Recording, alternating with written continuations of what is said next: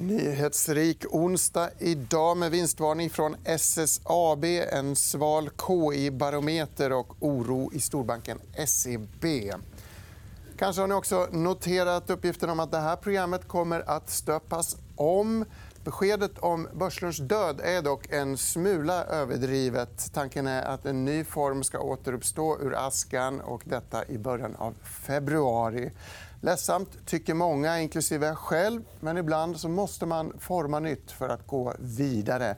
Det här kommer mina duktiga kollegor att göra. och De kommer att göra det allra bäst om de får hjälp av er tittare. Vi kommer att starta en dialog och en experimentlåda. Vi återkommer till hur vi går vidare. Men häng med oss på den resan och hjälp oss. Men resten av den här veckan, på måndag och hela januari så kör vi på precis som vanligt. Du tittar på EFN Börslunch.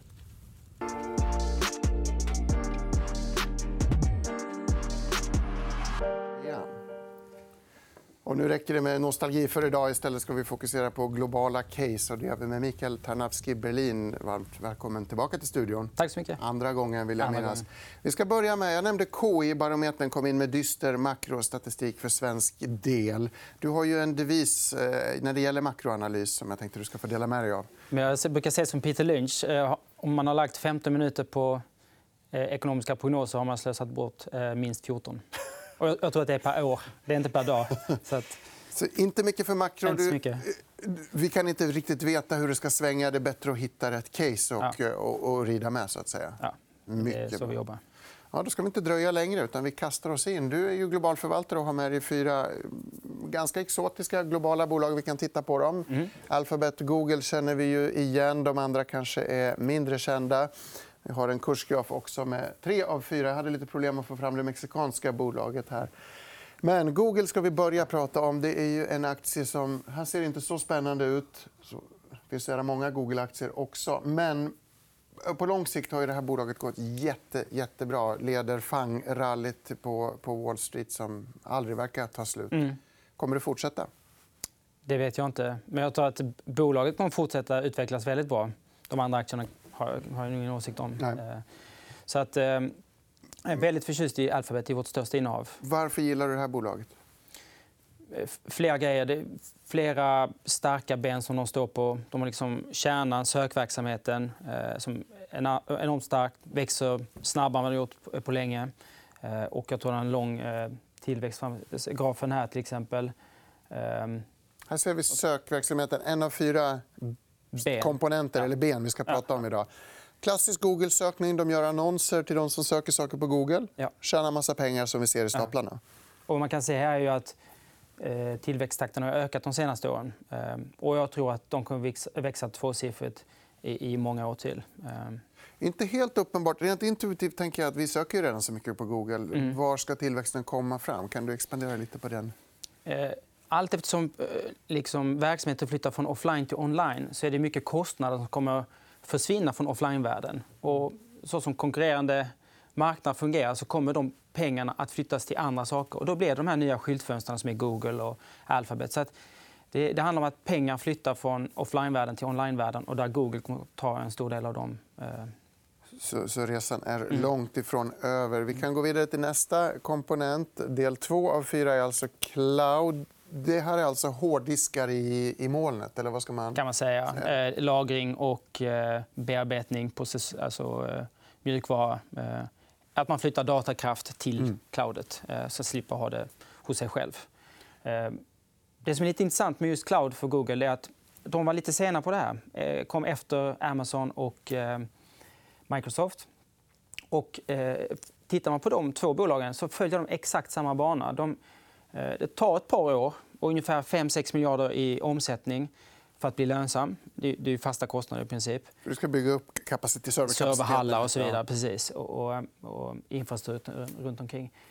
Och Google är där i år. Så att från och med i år kommer eh, cloud börja addera vinst.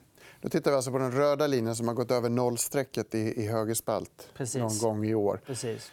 Och det går snabbt upp till 50 så att, eh, det ser väldigt givande. Jag reagerade på åren. här, att Man börjar först 2014. Amazon sa du, ligger 5-6 år före. Microsoft ja. ligger också lite ja. före. Hur är konkurrensen? då? Har man ändå förutsättningar att växa? Eh, Google är de, en av de som växer snabbast nu. Eh, snabbare än Microsoft och Amazon. Eh, det blir förmodligen de här tre. Det är de tre som leder. Sen har vi Alibaba också, men kanske mer Kina. Men goda förutsättningar för ökad lönsamhet i mm. två av de ben vi har tittat på hittills. Nästa är Youtube. Det ligger ju oss särskilt varmt om hjärtat eftersom du kan titta på Börslunch på Youtube. Precis. Men det är inte det du vill nej, föra fram det får ni också göra. Men, eh, nej, men det, det jag, jag tittar på Youtube och konstaterat att det är fortfarande en väldigt undermonetiserad tillgång. Eh, eh, amerikaner spenderar mer tid på Youtube idag än vad de spenderar på Facebook. Dessutom växer Youtube och Facebook minskar. Mycket intressant. Trots Ja, trots det så tjänar man inte lika mycket pengar. ser vi till höger. Eller? Exakt. Och där, där kan man se omsättningen per, eh, per användare. Egentligen. Facebook ligger nästan tre gånger högre än Youtube idag.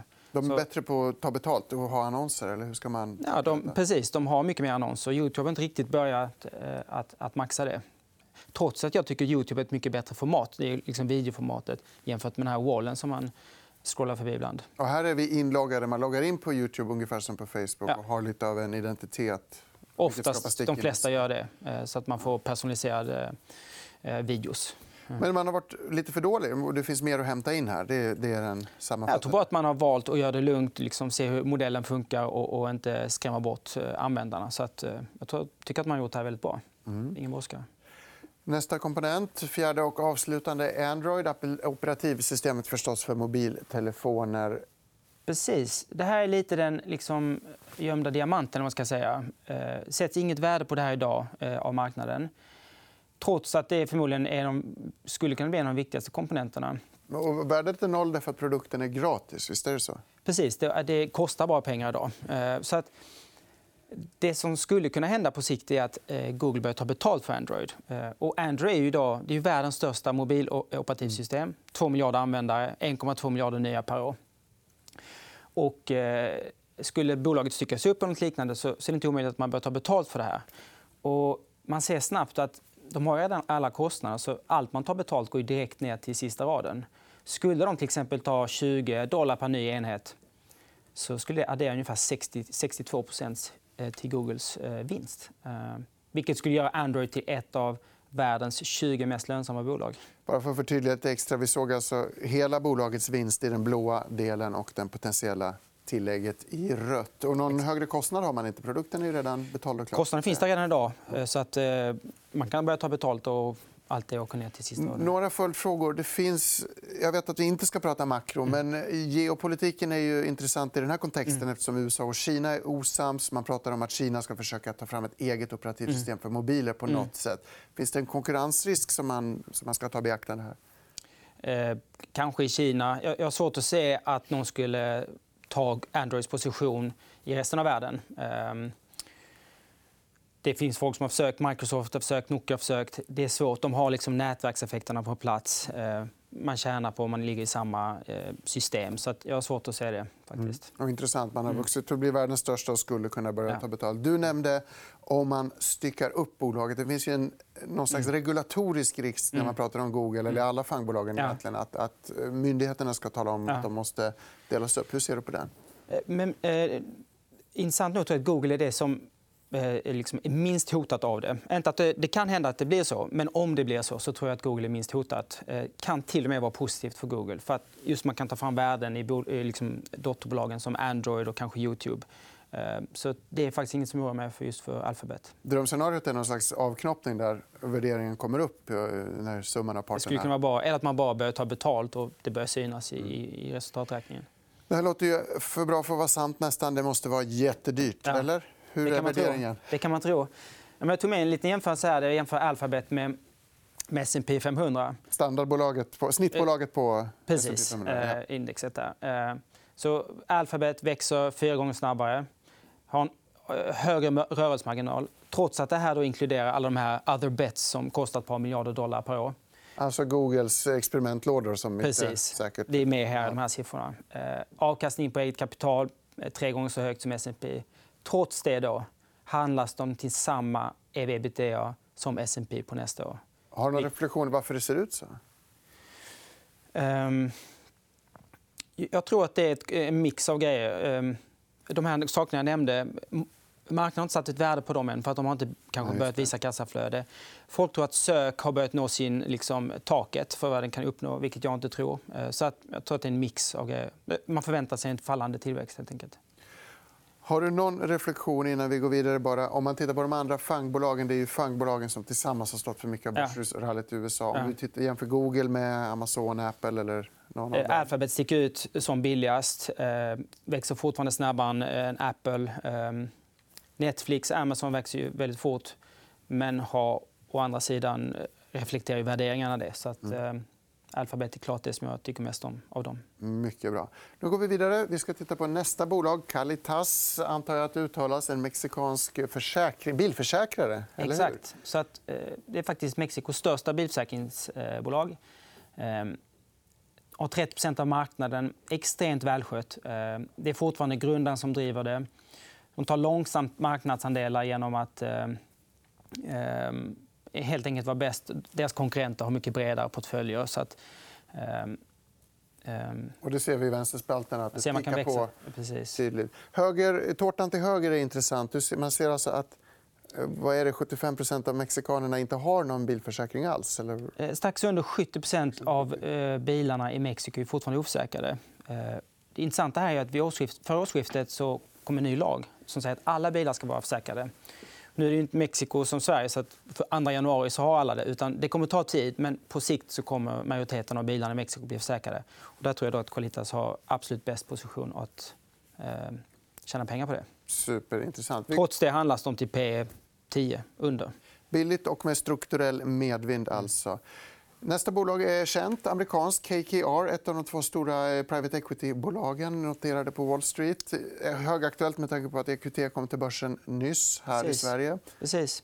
Det eh, är ett av de äldsta, största, mest välkända P-bolagen. Vilket gör att de har väldigt stora fördelar när de anskaffar kapital. Dels när de startar nya fonder, men dels när de kör gamla strategier. Vi har en graf på det, om jag inte missminner mig. Här ser vi förvaltat kapital. Man växer, eh, Man växer jämnt och snabbt. Precis. Ja. Eh, rider vågen för private equity-investeringar. Visst har vi en bild till. Du har jämfört KKR med svenska EQT. Du sa ju det. EQT har ju börsnoterats. Och då gjorde jag en liten jämförelse. Så det, som, det som är lite extra speciellt med KKR är att de, deras fondbolaget KKR investerar väldigt mycket i sina eh, fonder. Eh, idag utgörs eh, halva market cap av just kassa och investeringar med egna fonderna. Och det har jag justerat bort. Eh, och, och jämför man då marknadsvärdet med AOM så handlas KKR till ungefär 5,5% av förvaltat kapital. Jämför det då med EQT, som är ett väldigt välskött och bra bolag. Men som är avsevärt dyrare. Det handlas till 23% av förvaltat kapital. Trots att de här bolagen har rätt så lik profil vad gäller tillväxt och, lönsamhet. Eh, så alldeles, alldeles för billigt, tycker jag. Extremt intressant. Riskkapital på rea i USA, alltså. Vi börjar närma oss lunchtimmen. så Vad kan passa bättre än lite snabbmat? Vi har en annan relativt okänd aktie, MTY Food Group. Kanadensisk snabbmatskedja. Eh, Flera kedjor, faktiskt. Flera kedjor. Men de äger flera franchisekoncept. Paraplybolag kan man säga, med massa olika Precis. franchisebolag. Ja. Varför gillar du den här branschen? Eh, det, gör man det här rätt så är det en extremt attraktiv bransch. Och de som sköter MTY är extremt duktiga. Så de, vad de gör är att de förvärvar små koncept som visat sig fungera. Sen skalar de upp dem med hjälp av sina, med sin liksom, eh, organisation. Eh, har växt med... Jag tror vi hade siffror på ungefär 20% de senaste tio åren per år med hjälp av för, liksom, kloka förvärv. Eh, men är det förvärvsstrategin som gör att det svänger lite? Det är inte en helt jämn kurva. När man Exakt. Det är, varje nytt stort förvärv kostar lite pengar eh, i början. Men sen så liksom, eh, trillar det igenom till kassaflödet. Det här bolaget är också superbilligt. handlas till 12 gånger kassaflödet trots det här. Mm. Eh, den fina affärsmodellen och fina resultaten. Vi hållit oss i Nordamerika, Mexiko, Kanada, USA. Du är ingen makrofantast. Om jag ändå tvingar ur dig en bredare spaning så har du en geografi där man kan leta efter case som ja. är lite extra kittlande. Ja, men vi är verkligen bottom-up. Men, eh, men det, det, finns ett land nu som jag tycker sticker ut som lite eh, intressant. och Det är England. Eh, har stått still i tre år. Eh, sentimentet är väldigt negativt. Eh, lite mer positivt nu efter att Boris Johnson vann, men fortfarande negativt. Eh, tittar man på lång sikt, det är ett välfungerande land med fina bolag. Fundamentarna finns där. Värderingen är ovanligt låg. Eh, nästa års PE är typ runt 13. Eh, plus att England är ett av de få länder där en svensk kan investera och inte få valutan helt emot sig. Eh, det är inte... Pundet har gått lika dåligt som mm. kronan. Så att... En bördig jord för att hitta spännande case. Ja. Alltså. Stort tack, Mikael. Jättespännande att ha dig här. Hörni, vi fortsätter som sagt som vanligt. Imorgon blir det Börslunchs mest klassiska uppställning. Två förvaltare, John Hernander och eh, Adam Tellander, som är mäklare i och för sig. Historisk dag imorgon också när Sverige lämnar minusränteperioden bakom oss. Häng med oss 11.45 som vanligt. Tack för idag.